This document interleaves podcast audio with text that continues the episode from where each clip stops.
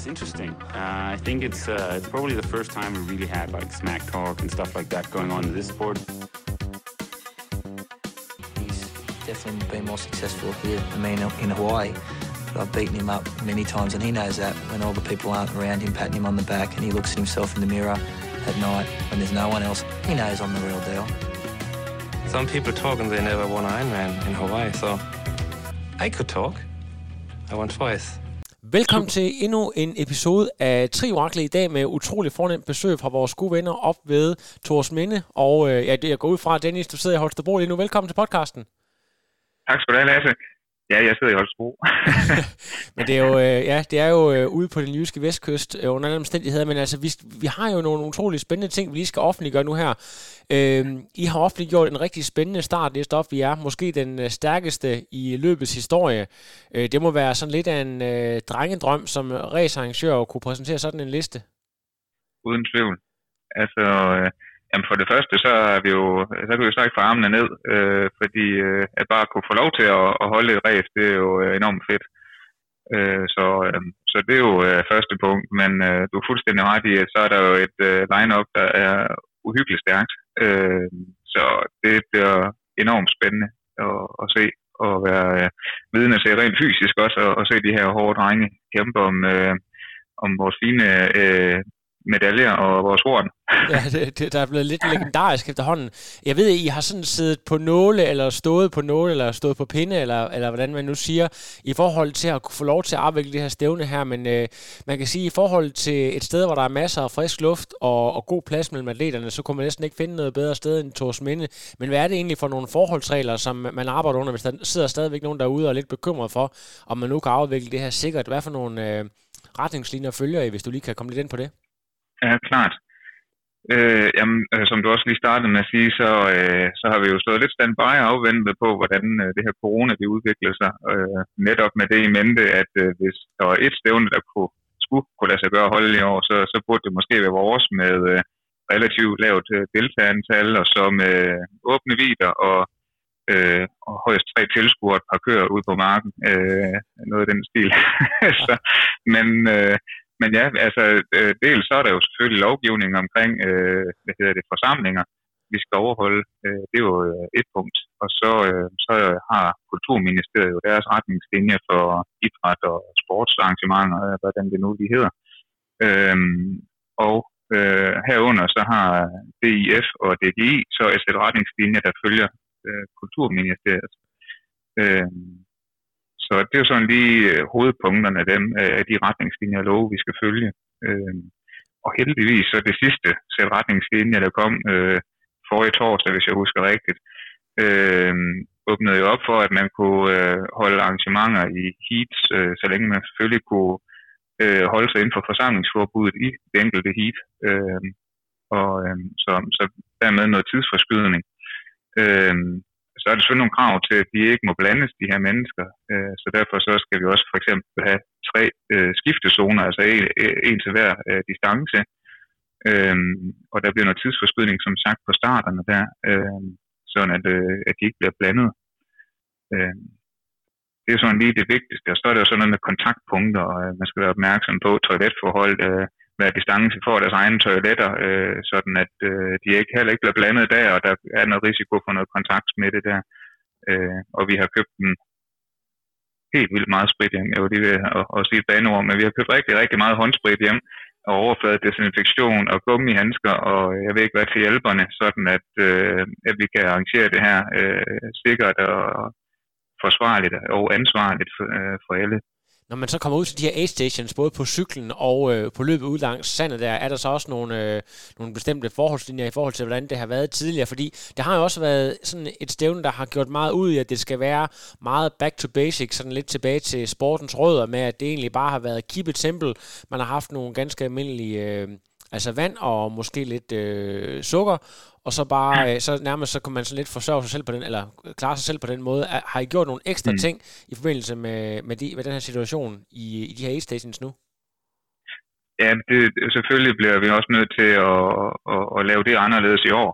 Det er ikke helt på plads endnu, øh, hvordan det rent praktisk skal gøres. Øh, der er lige nogle ting, vi skal finde ud af, hvordan og hvordan vi gør mest forsvarligt.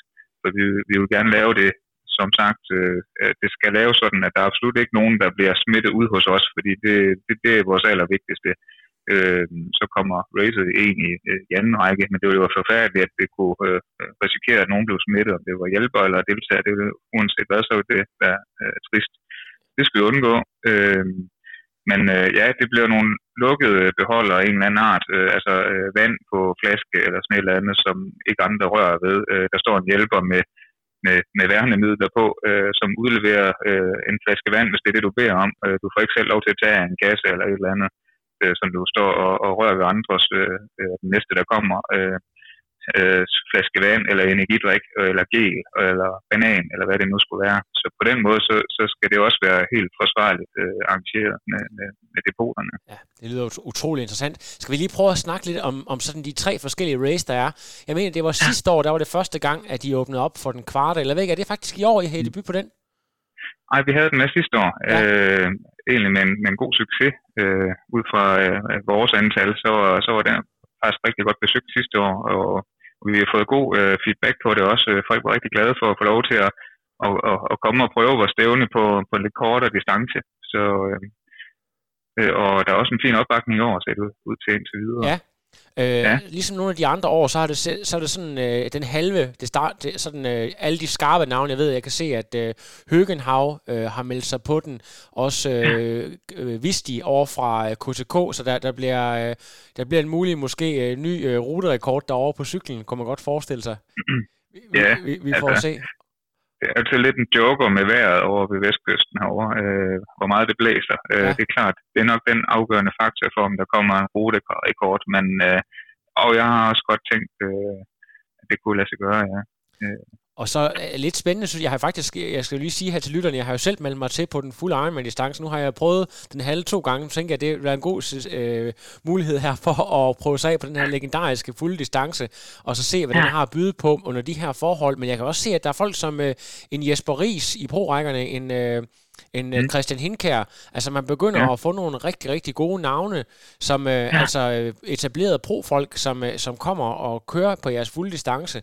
Øh, den her ja. drøm om, I havde for nogle år siden om at lave den danske pendant til Norseman, det begynder jo virkelig at ligne mm. noget, at der rent faktisk ja. kommer nogle folk, som ikke bare er øh, glade motionister og familiefædre, men som rent faktisk også virkelig kan, kan race på de her distancer. Ja, det er fantastisk. Øh, altså, du har helt ret. Vi er jo inspireret af, af Norseman, ikke også, øh, som vi selv synes er et enormt øh, fedt race. Øh, og, og vi synes, at vi skulle prøve at etablere et eller andet i Danmark og vise, hvad øh, for eksempel Vestkysten kan. Øh, og øh, så er det jo en drøm at få nogle af de rigtig hurtige gutter med. Øh, øh, og en lille joker, synes jeg også, jeg kan nævne. Øh, jeg synes, jeg hørte en fugl synge om, at øh, Bent Andersen himself også kommer på den fulde distance individuelt i år. Så ja, han må lige ud og vise de lidt unge drenge, hvordan man kører sådan helt en der. Ja, mellem også sagt, jeg har faktisk, jeg tror, han har et sommerhus herude ved Ringkøbing Fjord et eller andet sted. Jeg har set ham ligge og køre rundt, så han er i, i skarp ja. træning, og ham skal man, selvom han har, ja. har rundet de 50 for et stykke tid siden, så han bestemt ikke en, man skal afskrive. Nej, ja, altså, jeg tror, han er en slider. Han, øh, han ved godt, det er, øh, finish line, det tæller, ja. øh, ikke, at, ikke at efterlade det hele ud på cykelruten. Præcis. Noget andet, I har været rigtig gode mm. til, det er at få kendt det sådan, øh, altså virkelig internationale profiler. Jeg tror, I havde, øh, det var Patrick øh, Nielsen, der var med sidste år. Camilla har været med nogle år, og jeg tror faktisk også, at Camilla er med i år på den halve. Er der, har I andre joker i mm. hatten, mm. udover dem, vi har nævnt? Og jamen, godt spørgsmål. Øh, jeg er ikke så super god til lige at name drop, som du er. Men der er jo et hav af gode øh, øh, deltagere på listen. Det er der godt nok. Øh, så jeg kan næsten ikke lige huske, hvem du har nævnt af dem. Der, og, og der er jo snart øh, et par hundrede i alt på, på deltagerlisten. Så, ja, så vi er allerede klart, vi er allerede øh, over, øh, hvad kan man sige, deltagerrekord på nuværende tidspunkt. Det må man sige. Ja. Det er et godt stykke over på, øh, på nuværende tidspunkt, og det går, det går stærkt i de dage her. Der ja. kommer mange så jeg tror...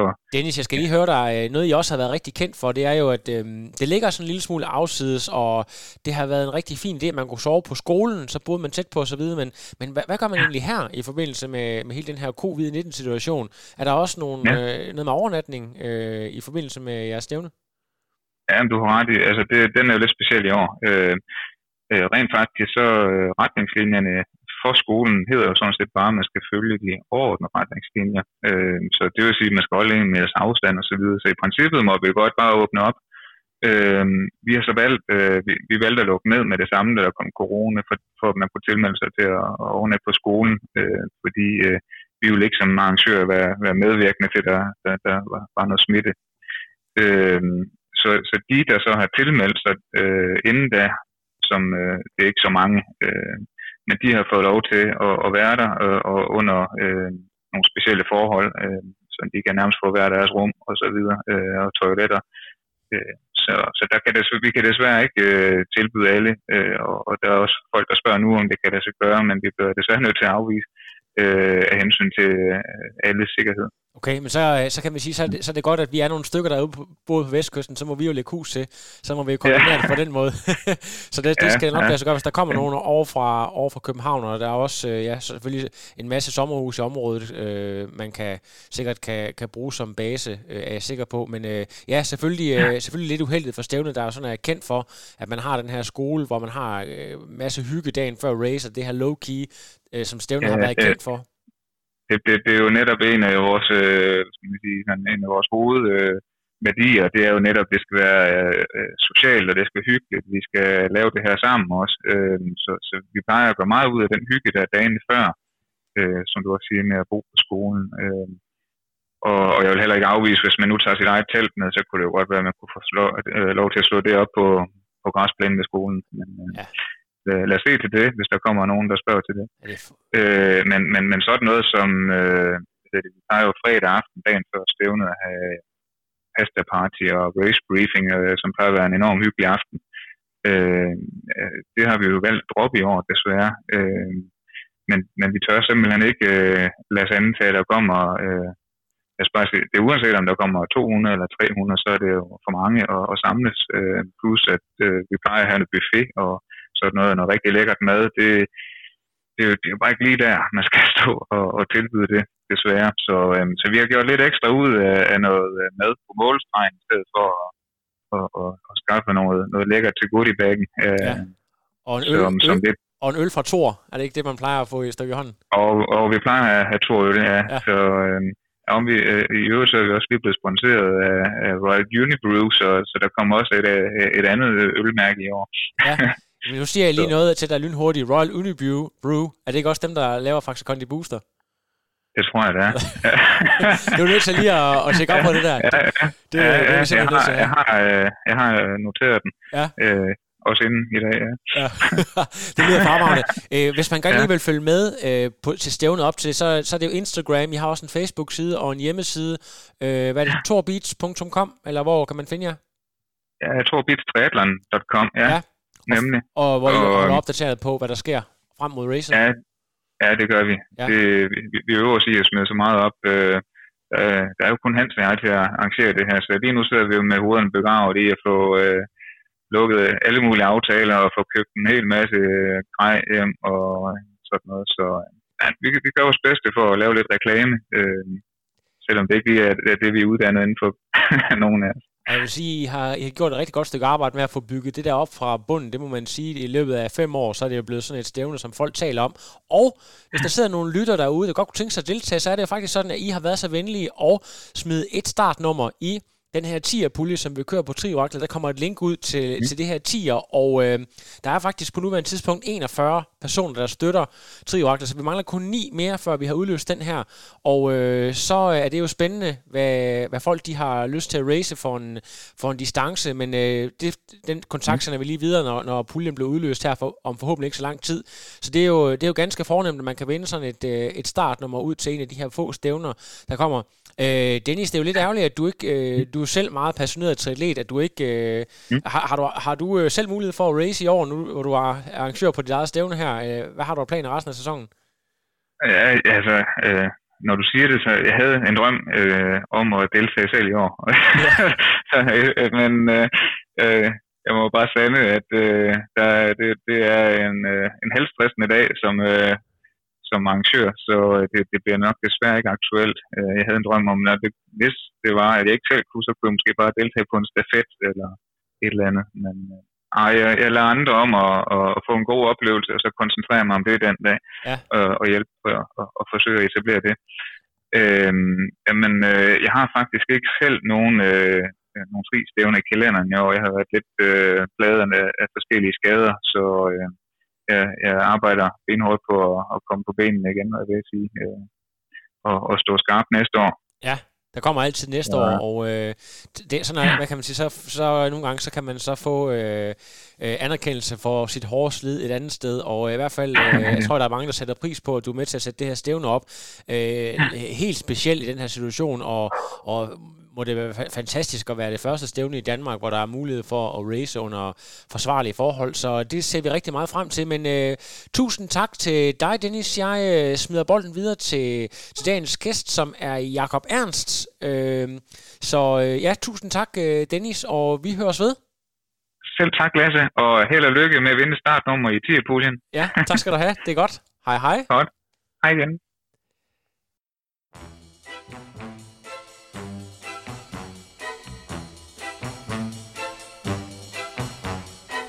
Parce que tu crois que tu es ma faiblesse, tu me blesses, me meurtris et te joues de moi comme de toutes choses et dispose de ma vie. Hej Jacob. Hej. Så er vi klar. Jeg tror næsten, vi har de samme briller på, faktisk, for at være helt ærlig. Ja. Det er intellektuelle look, meget øh, Ja. styrer på tre oraklet. Fremragende, Jacob. Velkommen til podcasten. Jeg skal jo sige, at det er lidt af en, øh, det er lidt af et wild øh, shot, at du er kommet her på podcasten, fordi at øh, jeg fandt ud af ved et tilfælde, der var en, der prikker mig på skuldrene og sagde, du er godt klar over ham, vi ligger og løber med her til øh, tirsdagsintervallet i Aarhus. Det var faktisk ham, der kørte top 3 i øh, København sidste år. Så fandt jeg ud af, da jeg var hjemme og kigge, at øh, dig måtte jeg hellere få på podcasten øh, i en allerhelvedes fart. Og her er du, Jacob. Ja, mange tak, fordi jeg må være med. Ja, men øh, du har gjort dig fortjent til det. Jeg har været inde og øh, lavet en lille smule stalking på dig med forskellige resultater. Det viser sig faktisk, at du har været i gang i nogle år med triathlon. Det, det er ikke sikkert, at det er alle resultater, jeg lige har kunne finde, øh, men øh, det første, jeg ser, det er tilbage fra 2015. Er det øh, første gang, du stifter bekendtskab med, med trisporten? Ja, det er rigtigt. Det er rigtigt. Til Jens Duatlon. Jens Duatlon, ja. Ja. Og før det, der har du lavet noget, noget maratonløb og noget med, så du har, har du altid været besat af, af endurance sport, eller er du en af de her, der kommer fra fodbold, og så skulle du lige prøve noget maraton, eller hvordan det egentlig startede for dig? Jamen, Jeg har egentlig spillet, spillet badminton i 12 år. Øh, og så ligesom, at da, da jeg kom på gymnasiet, så, så stoppede interessen for badminton, og så havde jeg lige et par år, hvor jeg, hvor jeg egentlig ikke rigtig lavede noget, men jeg har altid vidst, at, at det måske lidt mere havde en force inden for, øh, for udholdenhedssport. Øh, Jakob, når du nu siger badminton, er det så på et sådan øh, et Peter Gade-niveau, eller er det bare sådan hygge? Fordi jeg ved, øh, man skal ikke undervurdere badmintonspillere. Det er noget, man kan opbygge en virkelig, virkelig øh, god kondition ved at spille. Ja, ah, det var ikke øh, helt højt niveau. Det var sådan noget lige under elite, tror jeg. Øh, A-række, mesterrække øh, niveau, cirka. Øh, Så det var men det var alligevel... ikke, øh, det var ikke så meget igen. Det var jo træning to gange om ugen, cirka, eller noget Okay, i den stil. så du var fastmand i fredagsbarn, samtidig med, at du spillede? Ja, det kom jeg i hvert fald til. at Ja, okay. Du er jo... det Du var er også øh, takt med det, øh, interessen faldt, tror jeg. ja, okay. Du er jo lidt af en... øh, Jeg ved ikke, hvor høj... Er du sådan noget 1,95 eller sådan? Du er sådan noget rager godt i vejret.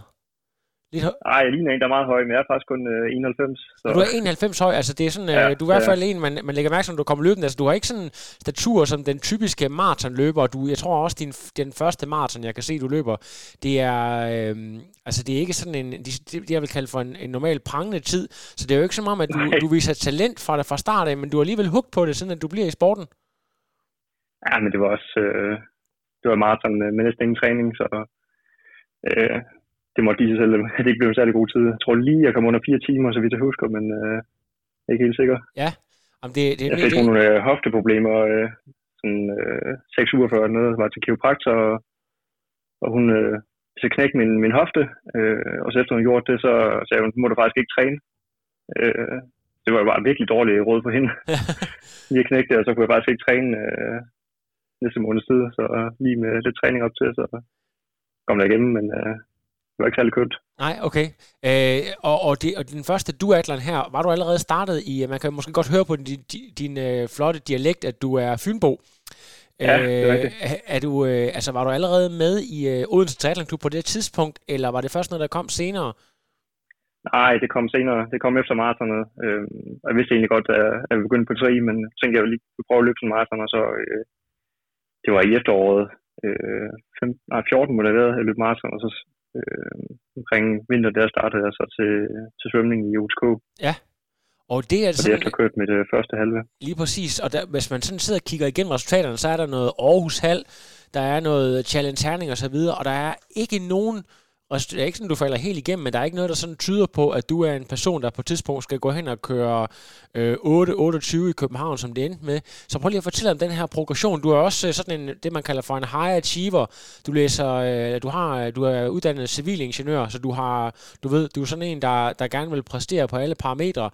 Så, ja. så det der med at gå fra en ganske almindelig øh, motionstriatlet til at blive mere og mere elitær, kan du lige prøve at fortælle os lidt om, om den der, øh, ej, det er så grimt at bruge det udtryk, men nu bruger jeg alligevel den her rejse, du har været ude på. Ja. Jamen, jeg tror egentlig til starten, jeg vidste ikke rigtig, hvad jeg lavede. Øh, jeg havde læst et eller andet sted, at hvis man gennemførte en, en halv om ugen, øh, så man fik man egentlig træning, man havde behov for. Øh, man kiggede tilbage på det, så, så var det måske ikke helt nok, men øh, det var ligesom det, jeg sådan havde til at starte med. Og det, var, det tror jeg, det gjorde jeg sådan cirka det første år, så øgede jeg mængden en lille smule, men blev bare helt sådan løbeskadet. Og på et år nåede jeg at have øh, alle de sådan typiske løbeskader, man har, og det sidste var sådan noget med at løbe 12 km om ugen, og bare for at slippe for at blive skadet. Øhm, men så ligesom så begyndte det at gå en lille smule over med skade her. Øh, fik lavet mig sådan nogle regler med, at jeg aldrig må løbe to dage i streg, og jeg skal ikke på firmrolling inden, og sådan noget der, og det synes jeg faktisk begynder at virke. Øh, det kan selvfølgelig også være, fordi at jeg nu begynder at løbe i, løbe i længere tid. Øhm, Ha- Havde du træner jeg på på det lige- tidspunkt, eller var det, var det, var det sådan, at du lærte dig det selv? ikke. Det var kun det var sådan uh, learning by doing. Ja, men det var egentlig bare med op til, til UTK-træning, og så, så give den gas der. Ja. Hvis jeg sidder og kigger på sådan der, hvor, hvor det begynder, altså du, du er jo med, der, altså hvad hedder det, um, Danmark har jo VM i, øh, i 2018 i Fyn, altså på hjemmebane, hvor det, hvor Ja. det, hvor det sådan, der hvor jeg vil egentlig sige, at, at kurven begynder at knække rigtig for dig, det er senere det år, i det der hedder Alsundmand, hvor du faktisk kører en top 5 hjem. Ja, og det er faktisk meget sjovt, for det var, det var altså Challenge Herning- Herning den år, hvor det bare gik øh, rigtig dårligt. Øh, det var ingenting, jeg spillede. Øh, så begyndte jeg faktisk øh, med Rasmus Stuberg som træner. Ja. Øh, og ligesom det bare vendte derfra. Det, øh, jeg fik en helt anden form derfra. Øh, det gik allerede meget bedre til, øh, til det der VM på Fyn, vi havde der, øh, og fik egentlig ret fint afsluttende løb der. Øh, men ja, som sagt, så blev det meget bedre til, til Alsundmand. Øh, og kørte faktisk et, et rimelig godt race der i hvert fald. Ja, og din svømning rykker sig helt vildt, kan jeg se også. Ja, det var også i takt med, at tidligere svømmede jeg med, med UTK, øh, men så startede udviklingsholdet op med, med UTK, og, øh, og der var nogle stykker, der fik lov til at svømme med, med tre timer. Så det var mandag og fredag øh, ude at svømme nogle lange ture der. Det, det er helt sikkert rykket min, min svømmeform en hel del. Det her med at have Rasmus Stuberg, som sagde, nu er, nu har det lige blevet offentliggjort, at øh, Stuberg, han, skal, han er den nye øh, landstræner. Så øh, var, var det bare sådan øh, en person, du kendte lidt, eller det her med valg af træner og så videre, når man, når man er i miljøet dernede? Der er jo sikkert øh, et par stykker øh, man, at vælge imellem. Altså, hvorfor, hvorfor var det lige Rasmus, du valgte at arbejde sammen med, og hvad var det specifikt, han gik ind og, og ændrede på i din øh, træning?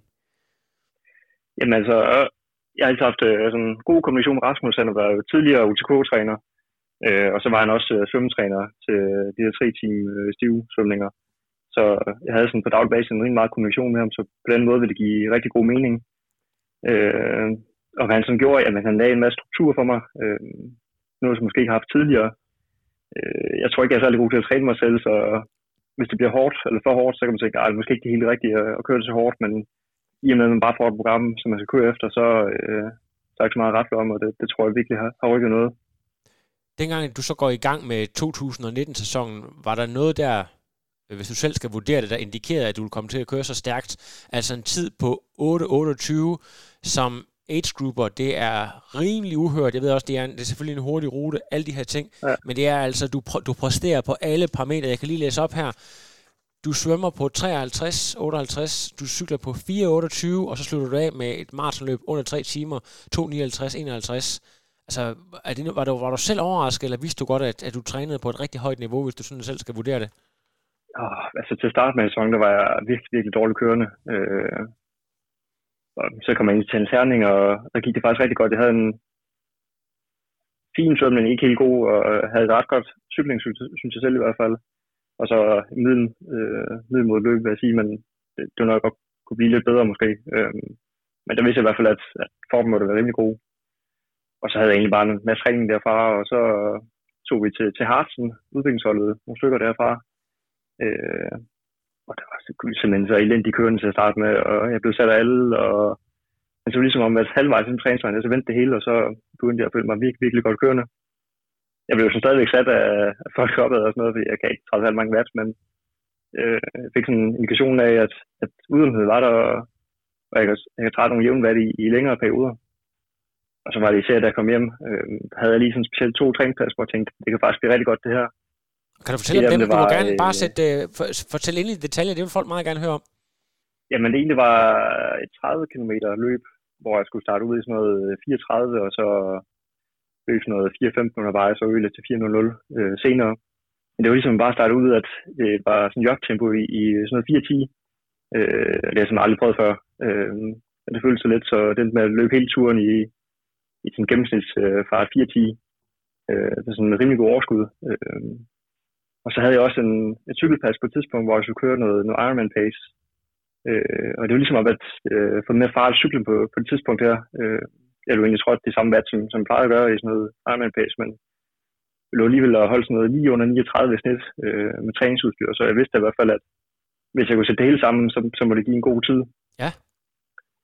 Så, men samtidig, altså, jeg har aldrig været ude på en, på en hel før, og øh, der er meget så galt, og jeg ved slet ikke, hvordan reagerende kom ud på lange distancer, så det var alligevel med, med forbehold.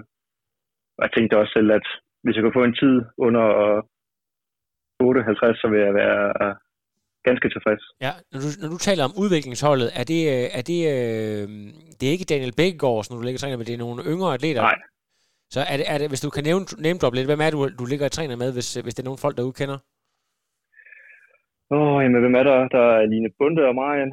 Øh, så er der Christoffer Dam, der er og Daniel, og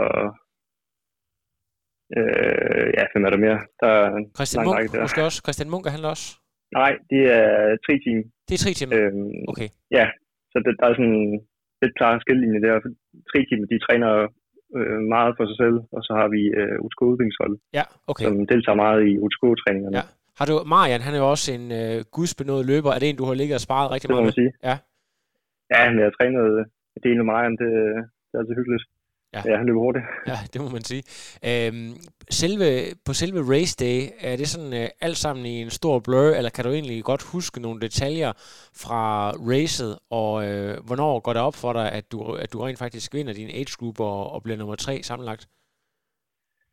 Ja, det, altså, det kan jeg huske meget klart, synes jeg. Altså, jeg starter dagen med at gå ud til, til svømmestarten der, og øh, jeg kommer faktisk sådan lidt, lidt for sent afsted, øh, for det er ligesom, at folk er sådan tørnet sammen op foran, så jeg ender med at komme ret sent afsted. Øh, så ender jeg egentlig med at bare ligge mellem folk hele tiden, og jeg aldrig finde på benen, og, men altså, følelsen kroppen, den, den var helt vildt god. Øh, og så når jeg kiggede på min uge efter halvvejs, så var vi sådan en, en 22 i pace, tænkte, det, det må fandme gå, gå godt, det her. Øh, og få gennemført den og sådan noget, men så jeg tror, uret vise lidt forkert, men jeg kom i hvert fald op i, i en tid, som, som jeg gerne har solgt den for til at starte med. Øh, jeg tror, jeg var op som nummer 6 i min age group på et tidspunkt, cirka. Men øh, kom ud på cyklen, og, og så ser jeg faktisk, at det Lars Dyrholm, der ligger sådan, at vi kommer ud samtidig på cyklen. Jeg tror, jeg så en lille smule hurtigere, end han har, men han så startede længere fremme. Øh, og jeg har egentlig godt vidst, at han, han har kørt nogle, nogle hurtige tider øh, de sidste par år. Øh, på et tidspunkt, der tænker jeg med, at det er en fornuftig idé at, at prøve at finde et eget pace, og lade mig egentlig sådan køre, og så bare prøve at fokusere på eget pace, men efter noget tid, så, så faktisk ikke kommer så meget fremad, så, så jeg tænkte egentlig, at det god mening at prøve at, at se, om vi kunne ligge sammen der. Øhm, så det ender med efter en halv time eller sådan noget, vi er fire mand, der ligger sammen og cykler øh, i sådan noget af den stil. Ja. Øhm, og helt meget overskud, så det, det var virkelig fedt, og man kunne se, at pace, det var, det var, det var rigtig godt. Så jeg egentlig lidt forventet, at der ville komme øh, modvind, da vi kunne sydpå igen, men øh, det kom nok bare aldrig rigtigt. Øh, så det var helt overvældende første runde at køre der. Øh, og der får jeg så også meldingen, øh, jeg kan ud på anden runde, at øh, jeg ligger forrest i Meskub, så det, det var helt perfekt. Ja.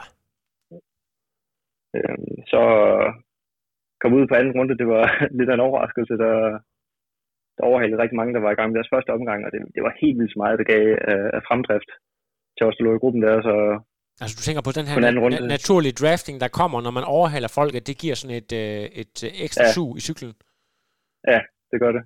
Det endte med at holde sådan noget 20 watt mindre øh, på anden runde i forhold til første, Ja. ja. selvom vi egentlig kørte samme tempo. Det er jo, det er jo det var- det var vildt at interessant. Det er interessant. Øh, men samtidig med, så var også øh, kommet nogle flere i vores gruppe, der helt sikkert også givet i landet, tror jeg. Øh, og så, ja, det var, det var en udmærket ting der, og så Er du så, har, du så, jeg aldrig rigtig, har, har du så friske ben, da du stiller cyklen der? Fordi jeg tænker, jeg ved, du er en rigtig dygtig løber, men, øh, men der skal alligevel meget til efter at have kørt 4.28, og så kunne løbe under 3 timer, så du må have haft relativt friske ben alligevel, når du stiller cyklen ja, det, jeg har aldrig prøvet noget lignende til et race før, altså at have overskud så meget hele vejen. Øh, det var en ret fed følelse af. Men det var, at sætte cyklen der, det var jo helt vildt at komme ud på løberuten. Der var, der var ikke mange tilskuere der. Jeg tror, jeg kom ud som omkring nummer tre ud på løberuten. Hvis man lige ser bort fra øh, Anna Haug der, tror jeg, hun var foran. Øh, men det var simpelthen så vildt. Øh, og jeg tænkte, nu prøver jeg bare lige sådan til ro her til start med på, på løberuten. Øh, og få løbet sådan noget, der føltes meget let i hvert fald. Og så et par, jeg tror det er en kilometer ned af løberuten, der står Miki så for tre timer og siger, nu skal jeg lige passe på pacet, og så kigger ned på en uge, og så løbet 53 det første stykke tid der. Ja. Det var, øh, jeg godt mærke, at, at der var benene virkelig med mig der. Ja. Øh, og det var bare for vildt at løbe igennem øh, Københavns gader, sådan helt tomme, og publikum, der hæppede på en. Havde du så sådan Øh. nogle øh, avancerede væske-salte-strategier, øh, ting, der var øh, sådan udtænkt, eller var det mere bare sådan go with the flow, øh, nu har du bare for at have oplevet og så videre, hvordan, øh, altså, Nej, men ikke rigtigt. Jeg havde fået en, øh, væskeplan øh, af Rasmus, men jeg har tabt nogle dunke undervejs på cyklen og sådan noget, så jeg har faktisk fået indtaget alt for lidt væske. Øh, men sådan rimelig fokuseret på, på at holde øh, væskeplanen på løbet, øh, på indtaget hvert depot, og øh, ja, så har jeg også nogle, nogle geler, sidstgeler, som jeg ved fungerer rigtig godt for mig. Øh, så det, det var det første halvmarathon, det får jeg simpelthen bare afsted. Det, det, var, det var en vild fornemmelse. og kommer der ikke nogen krise på noget tidspunkt? Du kan se her, der kommer en, øh, jeg ved godt, det var ikke de sidder din age group, men Frederik Mejlby for eksempel, der kommer bagved, der er en, der, der er kendt for at løbe rigtig, rigtig hurtigt. Føler du ikke øh, noget pres på noget tidspunkt, eller har du bare fokus på den der første plads, og måske det der Hawaii-slot og sådan nogle ting? Så jeg får en, øh, en melding fra, fra min familie om, at, at jeg øger til nummer to på Image Group. Øh, og så egentlig så prøver jeg bare at fokus på mig et løb. Øh, sådan målet inden København, det var jo også, at jeg skulle kvalificere mig til, til Hawaii, fordi jeg vidste ikke sådan, om, hvad der ville ske næste år, det blev færdiguddannet, om jeg skulle have fuldtidsarbejde og så videre. Så øh, jeg tænkte, at jeg gerne ville prøve at opleve det her med, med Hawaii. Øh, så det var egentlig bare nu, nu en, øh, en top 3 placering. Men det var ligesom om, at da jeg ramte de der 26 km, der begyndte jeg at få nogle problemer med benene, og kunne mærke, at jeg begyndte at sådan kippe lidt i dem. Øh, og inden jeg løb ud på den sidste omgang på de sidste, øh, det må så have været 11 km eller noget, den stil der, der kramper min ben bare helt sammen, øh, og nu så stoppe op og strække ud, og så når jeg virkelig også bare at tænke, at øh, det var det, jeg kommer ikke i, i mål nu i hvert fald.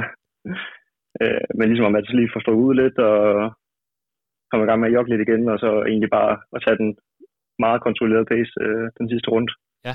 Øh, ja, så Og hvad tænker man så, når man, kommer, benene. når man kommer ind til sin første Ironman og har kørt 8.28 og blevet nummer 3 sammenlagt i det største race på dansk jord? Altså, hvad, altså kan man overhovedet forstå det? Altså, hvordan, hvad, hvad for nogle tanker går gennem hovedet på en? ej, men det var så surrealistisk, det, det var helt vildt. Jeg ser huske, at jeg stod dagen før, da, da jeg afleverede med cykel, og, og kiggede på de der over 3.000 cykler og sådan noget, og tænkte, hvis jeg kunne, kunne komme i, i top 50 af alle de mennesker her, det, det ville simpelthen være for vildt. Og så stod man lige pludselig der og, og, og kom ind til en tredje plads. Ja. Det, det er så ikke noget, man kan få øh, ny af. Ja, det, det kunne jeg godt forestille mig. Og så, skal, så skulle du jo så til Hawaii og alle de her ting. Men jeg ved ikke, at du, øh, at du bor stadigvæk i... Nu er du i Aarhus nu, men øh, du, du er stadigvæk øh, Odense-baseret og læser stadigvæk på det tidspunkt, ikke sandt? Ja, Jamen, det er faldet rigtig uheldigt sammen med, med at begynde på mit speciale. Ja, så det, ej, det startede, det var egentlig efter København, der gik det galt, for jeg- fik en knæskade der. Så der gik to uger med lige at komme så efter København, og så var der to uger, hvor jeg sådan næsten ikke rigtig kunne træne. Øh, under knæskade, jeg fik løbet en lille smule og cyklet en lille smule. Øh, kom så lidt i gang med at træne det efter, men det var ligesom om, at øh, jeg kunne ikke rigtig få noget med intensitet på, fordi det, det kunne knæet ikke holde til. Så det blev øh, ikke noget sådan særlig god træning efter det. Øh, jeg kunne så fokusere noget, noget mere på svømning og sådan noget, men, og jeg fik cyklet nogle kilometer, men det var uden intensitet sådan rigtigt, så så, og, og, og, og du øh, har næsten selv afsløret det lidt, fordi når man går ind og kigger på det resultat, du så laver på Hawaii, så er det øh, også en rigtig fin debuttid derovre under svære forhold, men det er jo ikke noget, der sådan står mål med det, du laver i København. Så bliver det sådan lidt en, øh, hvad kan man sige, survival mode, eller hvordan, øh, hvis du sådan skal beskrive hele Kona-oplevelsen? Ja, altså inden da jeg besluttede mig for at tage til Hawaii, så var det også mere for oplevelsens skyld, for jeg vidste godt, at, at jeg har utrolig svært ved varme. Ja. Øh, og det var egentlig også derfor, jeg besluttede mig for at tage over to uger før, for så at vende mig noget mere til varmen. Og det, var egentlig meget godt, at jeg gjorde det. Jeg havde virkelig nogle løbeture, hvor jeg brændte helt sammen.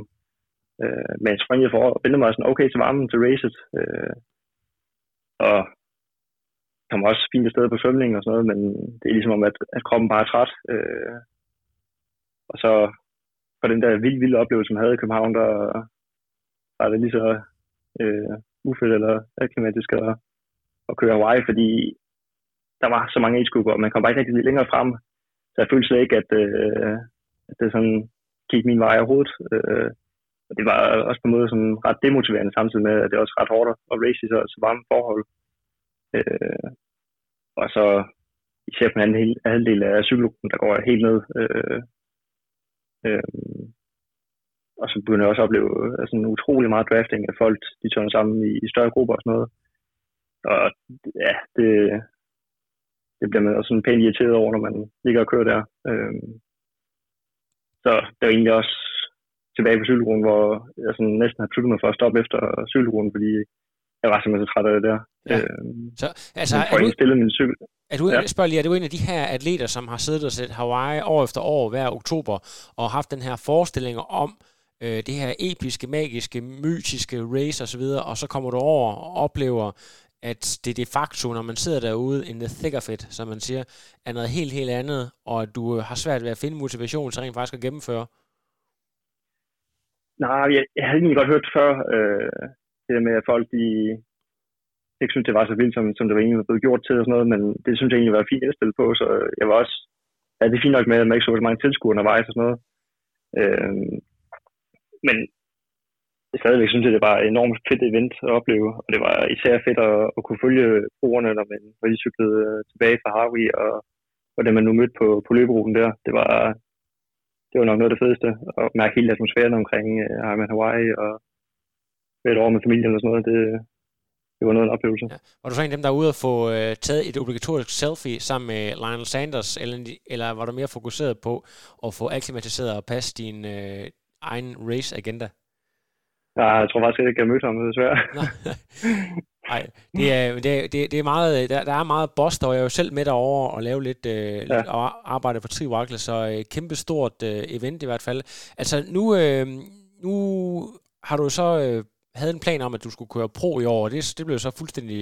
Nåede du at, at få trukket dit pro-licens, eller var det bare en plan, du havde for det hele, det brændt sammen? Nej, det var faktisk ikke i år, jeg havde tænkt mig at gøre det, men jeg havde overvejelser om det. Jeg ville gerne sådan lige bruge i år på sådan at se, om, det var egentlig det, jeg skulle ja. øh, køre pro. Øhm, fordi jeg synes, jeg har haft en meget svingende resultater. Øh, jeg har kørt nogle gode races, og hvis man bare altid gjorde, så, kørt, som man gjorde i København, så ville jeg helt klart stille op i, i profelt, men Øh, jeg har også bare en race, hvor jeg, hvor jeg falder helt igennem, øh, hvor det så ikke giver mening at gøre det. Ja. Så jeg vil egentlig gerne lige sådan have brugt de år på at, at se, om, om det egentlig var det, jeg skulle gøre, øh, pro. Så det, det kommer også sådan lidt træls med hele ja. covid-19 eller noget, men øh, jeg har tilmeldt øh, stævne i Altundmand, så forhåbentlig bliver det til noget, så kan man få testet formen med der. Ja, lige præcis. Og øh, jeg skal lige vide, øh, så er, du, så er du så kommet til Aarhus nu, øh, og du er færdig med at studere, og det er noget med, at du faktisk har fået det øh, lavet sådan, at du kan, du kan træne lidt mere, end man normalt kan, når man skal ud på arbejdsmarkedet. Ja, jamen jeg var simpelthen øh, så heldig at, at få en øh, stilling, øh, hvor jeg kan arbejde øh, kortere tid om onsdagen, så det er en, en deltidsstilling. Øh, det, det er super fedt at kunne prøve at fokusere lidt på, på triathlon. Øh, ja, det giver lidt mere plads til det. Og- Fordi det setup, jeg kørt tidligere over med, med studier og studiearbejde og sådan noget, det, det var ikke holdbart i længden. Og hvis godt, at hvis jeg skulle prøve at sådan, fokusere lidt mere på triathlon, så, så skulle det ikke være fuldtidsarbejde. Så man kan utrolig hurtigt komme til at arbejde mange timer, tror jeg. Og du, du har jo arbejdet sammen med Stubager, øh, mens du boede øh, på Fyn. Gør, er han stadigvæk træner for dig på nuværende tidspunkt? Øh, nej, nej, det er han ikke. Øh, I og med at jeg til Aarhus, så tænker jeg, at jeg gerne vil have en, en, en træner, som, som er i nærheden. En, som jeg kan have sådan en daglig kommunikation med. Så øh, jeg skal over til Helkær. Øh, nu her i starten af, af 2020. Og det er jo interessant, for så har vi jo samme træner, kan man sige. Øh, det og, og derfor så forstår jeg det heller ikke, hvorfor du sætter mig så utrolig meget på de der tirsdagsintervaller. Det skal jeg lige have en snak med ham om, hvad, hvad, der, hvad der går galt der. Men øh, det kan selvfølgelig også være mig, der drikker for meget Faxe Kondi Booster. Det skal jeg ikke kunne afsløre. Men, øh, men det, det, er- det, er jo, det er jo fremragende. Øh, jeg tænkte på, øh, jeg skal lige prøve at grave lidt ned her. I forhold til, øh, nu har du jo sådan været i to forskellige elitemiljøer og trænet med udviklingsholdet på Fyn, og nu er du kommet til Aarhus og prøver at træne på en lidt anden måde. Øh, ikke fordi der måske er noget, der er bedre end øh, det andet, men i forhold til sådan, øh, ja, strukturen, er der, er der noget, du sådan øh, har lagt mærke til, der blev gjort særligt anderledes i Aarhus for eksempel? Øh, jamen altså, de er ret forskellige i UTK og Aarhus, vil jeg sige, fordi niveauet i Aarhus, det er så ekstremt højt i forhold til, til Odense i hvert fald. Øh, jeg ser ikke rigtig tre team som så stor en del af UTK, i hvert fald ikke på, på daglig basis. Men der, der er rigtig mange i Aarhus, som kører utrolig stærkt. Øh, der, der er lidt et andet sted i UTK lige nu i hvert fald.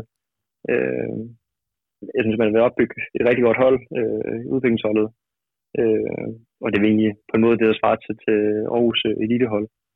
Øh, og det er, det er vel egentlig samme setup, man har i, øh, i begge byer. Øh, noget af det, som jeg synes, der er, der er utrolig fedt ved, UTK's øh, udviklingshold, det er, at det ikke er sådan en top elitehold. Så jeg kunne egentlig godt forestille mig, at det må være en, en god motivationsfaktor for mange, der starter i triathlon, at de øh, kunne have som udsigt at komme på sådan et, øh, et udviklingshold, hvor kravene måske ikke lige er så høje, som de er på øh, Aarhus øh, elitehold. Ja. Øh, det synes jeg egentlig er noget, man sådan godt kunne mangle i, i nogle flere klubber måske. Det tror jeg kunne være en, være en god ting på sporten her. For det er en helt anden ting at, at være en del af sådan hold i forhold til at, at ligge og træne øh, meget alene. Lige præcis. Jeg kan jo tage, altså, hvis vi tager, tager dig som sådan et helt konkret eksempel, når, når vi for eksempel løber med om tirsdagen der, så er du jo sådan en, der ligger lige der, så du kan vælge imellem, om du skal ligge og føre øh, den, øh, den næste hurtigste gruppe, eller lige se, om du kan ligge i slipstrømmen på den allerhurtigste, hvor, øh, når den Morten Brammer og, øh, og Høgenhauer, de der, de ligger og blæser derudad. Så du, altså, du ligger sådan lige i, i mellemgruppen der. Øh, kan ja. det også godt nogle gange være, være sådan lidt øh, hårdt, det der med, at man kommer til løb, og så finder ud af, okay, hvor er det lige, jeg skal ligge i dag? At man ikke sådan helt kender sin plads. Skal man presse sig selv ved at ligge med nogen, der er lidt for hurtige, eller skal man øh, være lidt god ved sig selv, og så ligge og, og tage vinden for, for de næste hurtigste? Ja, det er det er altså, en synes, at det er ret fedt at kunne, kunne løbe sammen med nogle af dem, der, der løber rigtig stærkt. Det, det ser egentlig som, som en ret god motivationsfaktor. Øh, men det bliver også lidt hårdt at løbe med dem, vil jeg sige. Ja.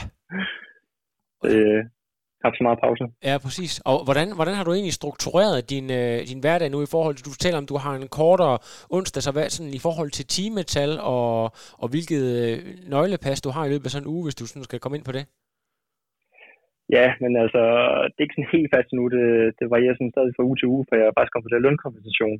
Øh, så jeg har faktisk ikke været sådan særlig meget på arbejde nu. Nå, Øh, Så du har kunnet træne meget det stopper så nok. Ja. Øh, ja, det har jeg. Så lige da jeg kom på lønkompensation, der tænkte jeg, nu, nu kan jeg bare øge træningsmængden, og så prøvede jeg at skrive til hende, kan jeg nu godt tænke mig at cykle de her 16 timer om ugen, og så jeg til 70 km løb om ugen. Og så gik der tre uger, så må jeg skrive tilbage til ham, at det, det fungerer ikke for mig. Nej. Der var kroppen simpelthen så færdig, så, så det kan jeg bare ikke lige gøre, øh, fandt ud af. Ja. Øhm, men lige nu, der ligger det på sådan noget, en, en rolig mandag øh, med noget morgensvømning, og så var jeg lige ude at løbe 5 km stille og roligt. Tirsdag, det er så tirsdagsintervaller med Aarhus 1900. Og så onsdag det er egentlig lange dage, hvor øh, der er så morgensvømning, og så tror jeg, det bliver omkring en, en 5 timers tur senere, øh, hvor jeg så stod til øh, Aarhus 1900's øh, cykeltræning øh, der. Så du, du cykler altså tre timer før, og så tager ud og kører intervaller med dem når, efter din tredje time cirka? Ja, det gør jeg. Det er fandme godt tænkt. ja, så lige ud øh, intervaller til sidst, så det kan godt være hårdt at komme igennem de Ja. intervaller til sidst, men øh, og så torsdag, der, det varierer lidt, hvad jeg har. Det er enten en øh, løbe- eller en cykeldag. Øh, og så typisk noget tærskel cykel om øh, fredagen og lørdag. Øh, det har også varieret lidt om lidt, en lang tur ligger lørdag eller søndag, men så i hvert fald kombineret med noget, med noget langt løb øh, på sådan noget 22-26 km. Og så en lang tur på, øh, på cyklen på omkring de der 5 timer. Så det er sådan cirka det, jeg går og laver. Så det er en, en god kombination af relativt høj mængde, samtidig med nogle rimelig intensive pas, kan jeg høre. God fordeling. Ja, det er det. Ja. Det er det. Jamen, det er fornuftigt. Og øh, nu har jeg så også lige været stalket lidt på sådan uh, Instagram. Du er ikke sådan en stor Instagram-hej, eller en, der sådan uh, skal, snakker konstant om dit samarbejde med Hoka, One, One og så videre. Så du er ikke, uh, du er ikke den, der er ude og, og, og samle uh, forskellige sponsorer ind og, og dyrker den der side af sporten ret meget.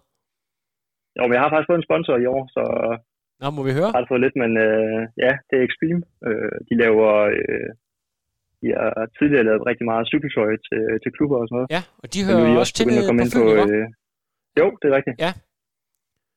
Så nu er de også begyndt at lave øh, triathlon-tøj og, og løbetøj. Ja. Så der får lov til at designe mig en dragt, og så har de produceret den, så det er super fedt at få noget støtte for dem. Det er noget, det er noget rigtig lækkert tøj, de har. Ja, fedt. Øh, og så, så skal du ud af at have en cykelsponsor også, kunne jeg forestille mig. Åh, det ville jeg gerne, hvis det var. Ja, ellers så øh, som civilingeniør, så kan det være, at du måske kan betale noget af den selv, men det er jo altid godt at få lidt, øh, lidt hjælp. Hvordan tænker du sådan i forhold til, til den der side af det, hvis, du, øh, hvis, hvis man ikke sådan naturligt er en, der er over Instagram og så videre, og skal til at lære den her del, hvis du skal til at køre den lidt mere professionelt, er det noget, du sådan har overvejet, at du skal arbejde lidt på, måske en, øh, en side, øh, hvis folk de gerne vil følge lidt med i, hvad du laver? Jeg, jeg tænker lidt på at komme lidt mere i gang med Instagram og få lavet nogle flere opslag og sådan noget. Jeg har ikke været særlig god, tid, god, god til det tidligere.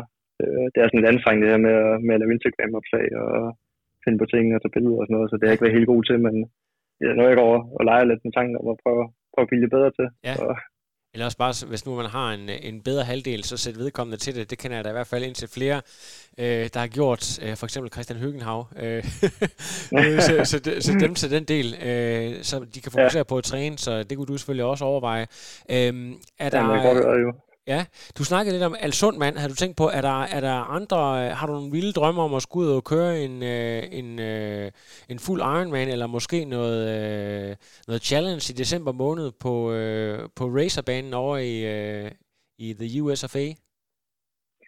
Åh, jeg har faktisk ikke... Øh, jeg har leget en tanke om, at, man kunne finde et andet, men som situationen er nu, så tænker jeg lidt usikker at begynde at planlægge noget. Så Ja. jeg tror, jeg vil prøve at den lidt, når jeg kommer. Ja. Det kunne være ret fedt at lige få lov til at køre en halv eller et eller andet, øh, måske en hel øh, senere på året. Ja. Det kunne da være helt ideelt, men øh, jeg vil stadig sige, det er sådan lidt usikkert nu at sige, hvad, hvad der bliver sådan noget, og der ikke bliver sådan noget, så jeg venter i hvert fald lige for nu. Ja, jamen interessant. Er der egentlig sådan, når man er på det niveau, du er, øh, har du så nogle, øh, nogle forbilleder enten herhjemme eller udlandet, som du sådan prøver at stræbe efter, eller er det mere sådan din indre, indre motivation, der, der driver værket? Hvordan, øh,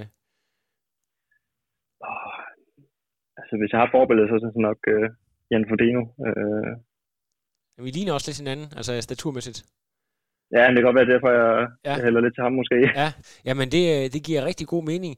Øhm, jeg Ja. er simpelthen øh, fuldstændig tør for spørgsmål, så jeg vil bare sige, at øh, hvis mit knæ det øh, arter sig, øh, jeg har også fået en lille skavank, så ses vi jo i morgen til endnu en gang øh, tæsk øh, med 1900 på banen, ellers så må det blive øh, næste tirsdag igen. Tusind tak, Jakob, for lige at stille op til et lille interview, og du er i hvert fald en person, som øh, folk skal følge lidt med i, og så hvis du får gang i en Instagram-konto, så kan folk jo følge med på. Og er det bare Jakob Ågaard, man, man skal følge, finde dig på? Og det er faktisk Jakob Ernst eller noget. Jakob Øh, Ernst. Jakob A. Ernst eller sådan noget. Ja, øh, der Noget kan man, det stil. Er lige præcis. sikker. Jeg kan lige prøve, det kan være, jeg kan lave et link op, så kan folk jo øh, søge på det. I hvert fald tusind tak, fordi. Ja. du lige vil øh, fortælle lidt om dig selv, og øh, alle lytter vil jeg anbefale, at øh, Jakob Ernst er en atlet, man lige tjekker ud, fordi at øh, han kommer også til at gøre det godt øh, fremadrettet, det er jeg sikker på. Så øh, tak for det, Jakob. Jamen, tak fordi I var med. Det er godt. Vi snakkes ved. Vi hej.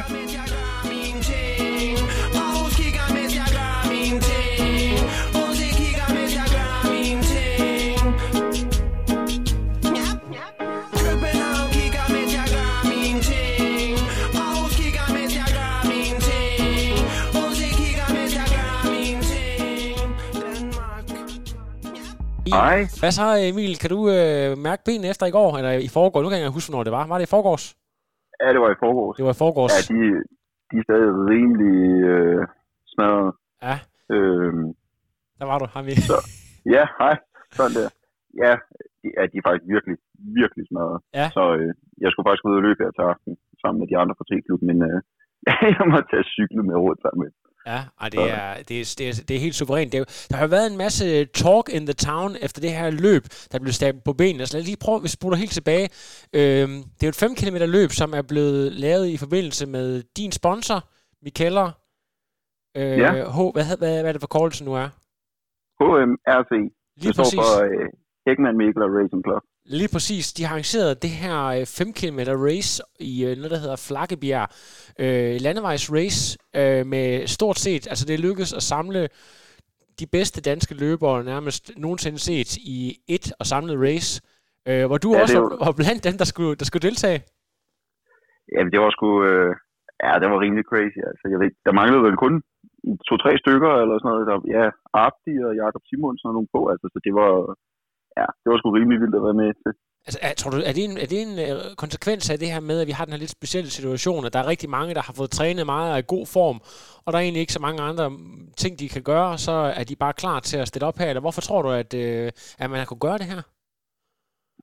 Ja, det er nok bare en blanding af det hele. Altså, så folk er jo gået og ventet på, at der kommer konkurrence, ikke? Så de Ja. har jo nok været sådan lidt, øh, lidt ræsliderlige, eller hvad vi skal kalde det. Ja, Så, så det, det, ja, det har nok bare været det, der gjorde det. Ja, og Men, øh, du, du har gået og drømt lidt om, om du kunne, altså den her magiske øh, 14 minutters grænse, har du jo også gået og, og drømt lidt om, og jeg ved i hvert fald, at du har, du ved jeg faktisk ikke lige sådan i forhold til mellemdistance, hvor meget du egentlig har, altså 10 km har du vist fanen frem og vist, at du kan være med helt frem blandt de aller, allerbedste. Og øh, du har også vist, at formen var god. Øh, altså, kan du ikke lige prøve at tage os igennem konkurrencen her, og sådan det, det mindset, du havde, da du gik ind til det? Jeg ved godt, at der er mange, der siger, at det er jo bare at løbe, men jeg ved, at i forhold til de her kortdistancer, der er uhyggeligt meget taktik, øh, og måden, man angriber på, det er sindssygt vigtigt. Jamen, øh, hvad fanden skal vi sige? Altså, jeg troede faktisk lidt, det var et utopi, jeg tror, jeg kunne løbe under 14, ikke? Fordi at vi har løbet dernede for halvanden måned siden på præcis samme rute, hvor konditionerne var bedre, hvor jeg løb 14.30. Jeg tænkte, hvis jeg sætter barn højt, så, så kan det være, det går godt, ikke? Ja. Øh, men for selve racet, der øh, Jakob Dybdal for Aarhus, han allerede bare ud. Altså, vi løb meget, meget hurtigt, det vi skulle. Jeg tror, vi havde 44 eller sådan noget, 2,44 på første kilometer. Så det var egentlig bare at prøve at følge med. Og så, øh, vi havde medvind ud, skal så også lige siges. Og så, øh, jamen, jeg ved faktisk ikke, om der var noget taktik, udover bare, altså, bare holde fast, og så, øh, og så håbe på, at man ikke eksploderede. Ikke? Øhm, men ja, det var, det var rimelig crazy. Øhm, vi havde 28 halvvejs, eller ved 3 kilometer. Og så, øh, Joel, han kigger ned på sit ur, og så råber han bare, 28, hell yeah boys, og øh, det er helt op at køre, og øh, der var faktisk okay stemning, mens vi var i gang. Øhm, ja, men for mit vedkommende var der ikke så meget taktik i det, der var det bare at prøve at slå hjernen fra, og så, så håbe på, at jeg overlevede, ikke? Ja. Vi skal lige prøve at tale lidt om ham, Joel der, som er, som er en 16-årig komet, der øh, faktisk formår at komme under. Han jeg tror, han løber de her 13.59 og slår en junior-rekord, øh, U23-rekord, og faktisk også kommer under den, øh, den, den daværende senior-rekord, som nu øh, godt nok øh, sidder på Thijs Neuhaus. Øh, altså, et fuldstændigt vanvittigt talent. Hvor meget kender du til ham? Jamen ikke mere end, at vi løb 10 km sammen der på Østerbro for et par måneder siden, og så bare sådan små chatteri, ikke? Øhm, på sociale medier, men han er, han er sgu rimelig cool. Og det er, han er totalt nede på jorden og helt low-key, og der er, altså, han kom lige fra var gået ud af skolen, dagen før øh, folkeskolen. Så, jamen, han havde kraftet med, jeg tror, han var kommet lidt sent hjem og havde festet. Han har ikke drukket eller noget, men øh, han er, altså, der er plads til det hele, ikke? Ja. Altså, jeg tror ikke, at han føler, at han stresser rundt og skal nå noget. Altså, det gør det bare Så han, ja, endnu mere sindssygt. ja, han lever ikke sådan en munketilværelse, hvor det kun handler om løb. Nej, overhovedet ikke. Altså, Men- han er sgu rimelig cool. Jeg tænker bare på, at sådan, altså, i forhold til, at han må jo gøre et eller andet helt rigtigt. Øh, altså, er der sådan en, du, du kunne overveje at skulle til at spare lidt med i fremtiden, for måske at, at lure nogle tricks af, hvis øh, vi har en kommende verdensstjerne der? Ja, men helt sikkert. Altså, der går der sikkert heller ikke lang tid før, at, at han river Thijs og, og hvem der ellers er over på midten. Ikke? Ja. Øh, så ja, det kan være, at hvis jeg skal træne med ham, så, så skal jeg skynde mig, inden han bliver for god. Ja. du, du formår al- alligevel løb øh, 14.07, og øh, altså det er jo sådan nogle navne som Ole Hesselbjerg øh, og øh, Stort Ja Tak, og hvad de hedder, øh, Meo, og de her Mm. øh, etablerede Martens-stjerner øh, og øh, banespecialister, som øh, du giver en ordentlig røvfuld her. Altså, øh, vidste du godt, at du havde det potentiale, eller hvad, altså, hvad, hvad, hvad skyldes det, at du er så god? Åh, helvede. Det, jamen, det aner det ikke. Altså, min far han spurgte os om det i går, altså hvad jeg følte, jeg gjorde anderledes, ikke? Og jeg må bare sige til ham, jamen jeg føler ikke, at jeg gør noget anderledes, end da jeg løb øh, 16.30 for 10 år siden, eller ej, det er der nok ikke været, men altså, ja, jeg går sgu bare ud og løbe, og så, og så går det stærkt, ikke? øh, og nu løb 14.20 på banen for, for to måneder siden, og så havde vi ligesom sat pace, at jeg skulle gå holde de her 2.52, og det var lidt sådan et drømmepace, så nu havde jeg sagt, "Nå, men nu vil jeg gerne løbe sub 14, så skulle jeg lige pludselig pille 4 sekunder af mit pace for, hvad jeg lå og trænede. Øhm, så jeg ved ikke, om- jeg tror måske bare, det er mindsetet, der har, der har hentet sig, og, altså, der har gjort, at jeg løber hurtigere. Jeg ved, Jeg har nok at, bare øh, ligget og ventet. Henrik Thiem, han har lavet et statement om, jeg ved ikke om det er også sådan, han prikker lidt til, om der er sådan en, øh, en agenda lidt under radaren, et skjult budskab. Han siger sådan noget med, med de her nye sko, der er kommet, og det skal selvfølgelig unders det skal selvfølgelig øh, forstås, at de ikke var der, dengang han selv var aktiv. Men, øh, men det betyder efterhånden, at, øh, at man kan løbe hurtigere på landevej, eller i hvert fald lige så hurtigt på landevej, som man kunne på bane. I, man plejer jo altså at sige, at det var på banen, at de hurtigste tider blev lavet. Kan du fornemme mm. det, at, øh, at der er så meget øh, smæk på de her carbonsko, øh, at, at det rent faktisk kan konkurrere med de tider, man normalt vil kunne løbe på banen kun? Ja, det er der ingen tvivl om. Altså, Ja. ja. de er bare voldhurtige. Ja. Øhm, og jeg, jeg synes egentlig, det er sådan mest den der, man kan mærke, man ligesom, det er ligesom om, man tipper ud over øh, enden af skoen hele tiden. Så meget som om, man er ved at stå på røven, hvis ikke bare man altså, smækker til den. Ja. Det tror jeg egentlig er, det er nok egentlig det, der gør det. Øhm, men ja, de, de, de er meget hurtigere, end hvad jeg nogensinde har løbet i før. Altså. Ja. Og jeg var ude og løbe i mine gamle konkurrencesko forleden dag, som der bare er pandekageflade. og det var sådan noget, man havde det som om, at altså, man vejede 50 km mere, øh, og man havde svært ved at bære sig selv og sådan noget. Det var lidt sjovt. Og øh, altså, jeg kan jo se, at Mikkel Dahl, som også er, altså han var en af dem, som ikke var der, han, øh, han har en skosponsor, øh, Brooks, som ikke kunne nå at skaffe sådan en carbon-sko der, og det betød faktisk, at ham og hans coach, Morten Munkholm, bestemte sig, at han ikke skulle løbe, at det efterhånden er blevet sådan, hvis du ikke har de der carbon-sko der, så kan du simpelthen ikke være med. Kan, kan det have sådan, hvad synes du om den udvikling? Jamen, det synes jeg egentlig er meget cool.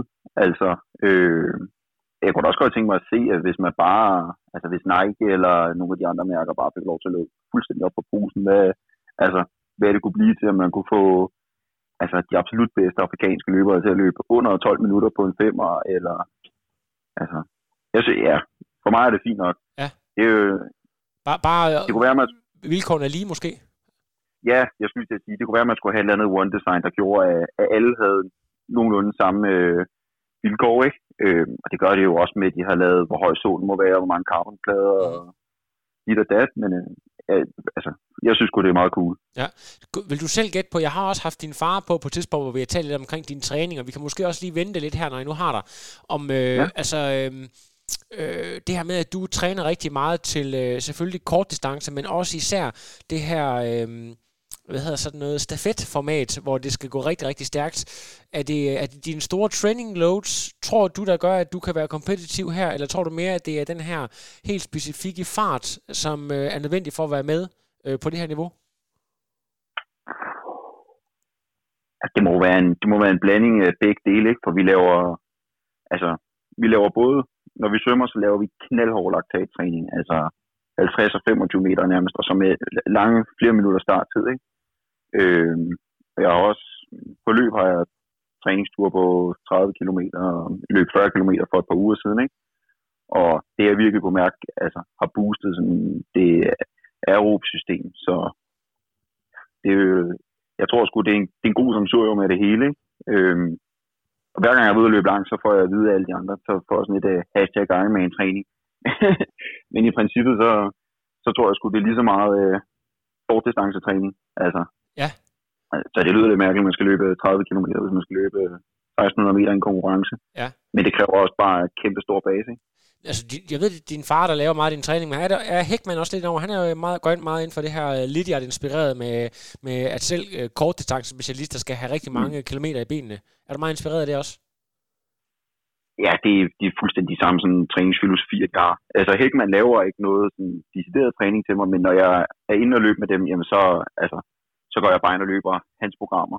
Øh, fordi at, at det er nærmest en til en til, hvad, hvad ham og min far vil lave. Ikke? Ja. Så det, ja, det fungerer fint. Føler du, at du på nuværende tidspunkt er en af de bedste løbende atleter herhjemme, eller, eller er sådan, har lige har taget et skridt frem, og hvorfor tror du, at du er kommet i den position? Er det øh, genetik og lange ben, eller er det øh, korrekt og hård træning over mange år uden for mange breaks? Øhm, det er en god blanding, og så har vi altid haft et, øh, et ordsprog, ikke? at det er ikke svært at løbe under 30 minutter på en 10'er, så derfor så har det altid bare været sådan ting, jeg gik og ventede på. Øhm, men jeg føler klart, at jeg er de er nok meget den bedste triatlet, der er lige nu i forhold til løb. Ikke? Ja. Så øh, og hvis Schilling han hører det her, så Ja. det er lidt en udfordring. Nej, det ved jeg ikke.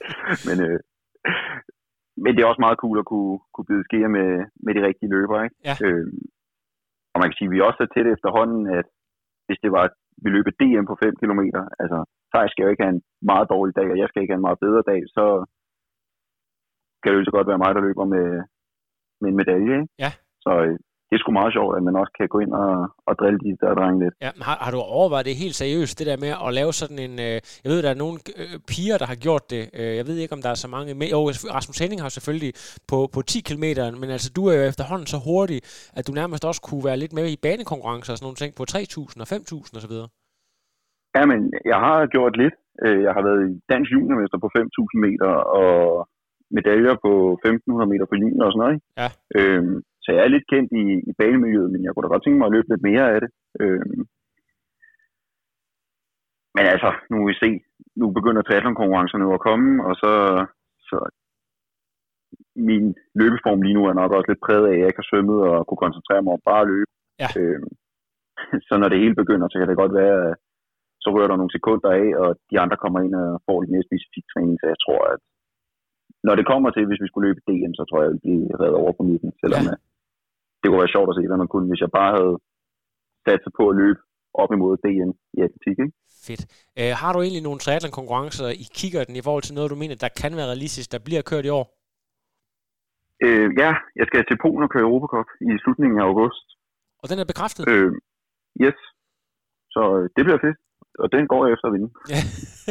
Er der andre danskere, der skal med, der skal med derned? Øh, ikke hvad jeg ved af. Øh, og Anne skulle have været med, men hun øh, er jo ja, halvkvæstet lige nu. Anne, Så- som har startet en madblog, der også lige skal have, hvad den hedder? Straight Ass Food? Ja, et eller andet den stil. Jeg har da også sagt, at du skal lige have noget strof på, eller et eller andet. det er så fremragende. Ja. ja. Øh, Så. ja, ej, det var, det var jo frygteligt. Var, var du egentlig med ud at træne den dag, hvor det skete, øh, Anne og hendes træningsbody blev kørt ned? Nej, overhovedet ikke. Jeg har været i København og løbet med HMRC. Ja. Øhm, og så lige da vi var færdige, og vi havde gjort af og sådan noget, så satte jeg mig ind i bilen, og så Nå, jeg ringer lige til min mor bare og siger, nu er jeg på vej hjem, og hun kan godt begynde at gøre lidt mad klar, bare small talk. Og så siger hun, at jamen, det eneste, jeg får at vide, det er bare, der er nogen, der er blevet kørt ned, der er nogen, der er blevet kørt ned, og så bliver der lagt på. Og så sidder jeg bare, og jeg ved ingenting, og så begynder jeg bare at ringe rundt til alle, jeg ved, der har været til træning, og måske har været i nærheden, og så får jeg ingenting at vide, og lige pludselig så, så får jeg sådan kort at vide, at om det er Anne og Jakob, der er blevet ramt af en motorcykel, og fuck, mand. Og så, der går nærmest en halv time, før jeg får at vide, hvad der sker, ikke? Ja, frygteligt. Det var, jo, øhm, ja, det var, det var sindssygt. Ja. Men øh, godt, der ikke er sket mere, eller hvad man kan sige, fordi Ja. at, de kunne sgu have været døde af det der. Ja, det må man sige. Det, øh, det var godt nok øh, det var voldsomt, og egentlig også utroligt, at øh, føreren på motorcyklen der overlevede det med nød og næppe. Så der er nogle gange, så er der sådan en guardian angel. Men øh, i forhold til, du, du overvejer ikke at, at lave en, en, din egen madblog, så I har sådan to konkurrerende accounts? Jo, men altså, det, så skulle der være sådan noget, øh, hvor lang tid skal en pose popcorn have i mikroen, eller øh, kopnudler, eller sådan noget. Det skal måske mere være med såkaldte live hacks, i stedet for... Ja, noget den stil der. Og jeg er ikke så... Det er godt. Hvad hedder det? Emil, øh, det er jo et stykke tid siden, du har været på podcasten sidst, så hvis du har fået nogle nye sponsorer, eller øh, et sted, hvor man kan følge med i din træning, så må du prøve lige at give nogle øh, plugs her til sidst. Jamen, øh, I kan jo følge mig på Instagram og TikTok og ja, alle steder. Jeg tror snart, jeg har en altså, profil på alting. Vi har også lavet mit eget podcast, men det går ikke så stærkt for tiden. nej, nej, det kender jeg godt. Det, øh, og den ja. hedder jo, og den podcasten hedder? Den stævnske metode. Den stævnske metode, ja. Også på SoundCloud. Ja. Øh, og der kommer øh, snart et podcast med, med Scott Stenberg. Fedt. Vi har bare været en, en måned om at redigere det nu, eller sådan noget. Ja, Scott Stenberg, der lige er, lige er blevet student og har fået ørering, og som jeg har forstået, det nye kæreste, og det kan man måske høre mere om i, i det afsnit. Ja, men det må han selv fortælle. Ja, okay. der, er, der, er, der er godt op. Men ved du hvad, øh, så, du nåede vist ikke lige at nævne sponsorerne, tror jeg. Ja, men der er Dit og Sund, øh, så er DJ's Garage, der har givet mig min cykel, så øh, er der SOS Stævns Tri, min nye triklub, der har vi en masse sponsorer, der bare, ja, vi får helt penge i hovedet for tiden. Og så er der min mor og far, ikke? Øh, og så er der Sky. Det, det er det. Det er også øh, fremragende. Det er en rigtig flot pakke, og øh, det kan også være, at jeg snart kan præsentere nogle nye sponsorer til det her formidable medie, som vi kender som Trioraklet. Tusind tak, Emil. Og Emil, det kan da være, at du har et enkelt billede, måske fra dit race, øh, dit 5 km race her, som jeg må låne til lidt PR. Så bliver det redigeret også og kommer ud allerede i morgen. Cool. Det er fedt. Jeg finder et billede for Det er godt. Ved du hvad? Tusind tak, Emil. Vi snakkes ved. Det gør vi. Godt. Okay. Hej. No, I am done. Another. But no, it's, I'm done. I have no power.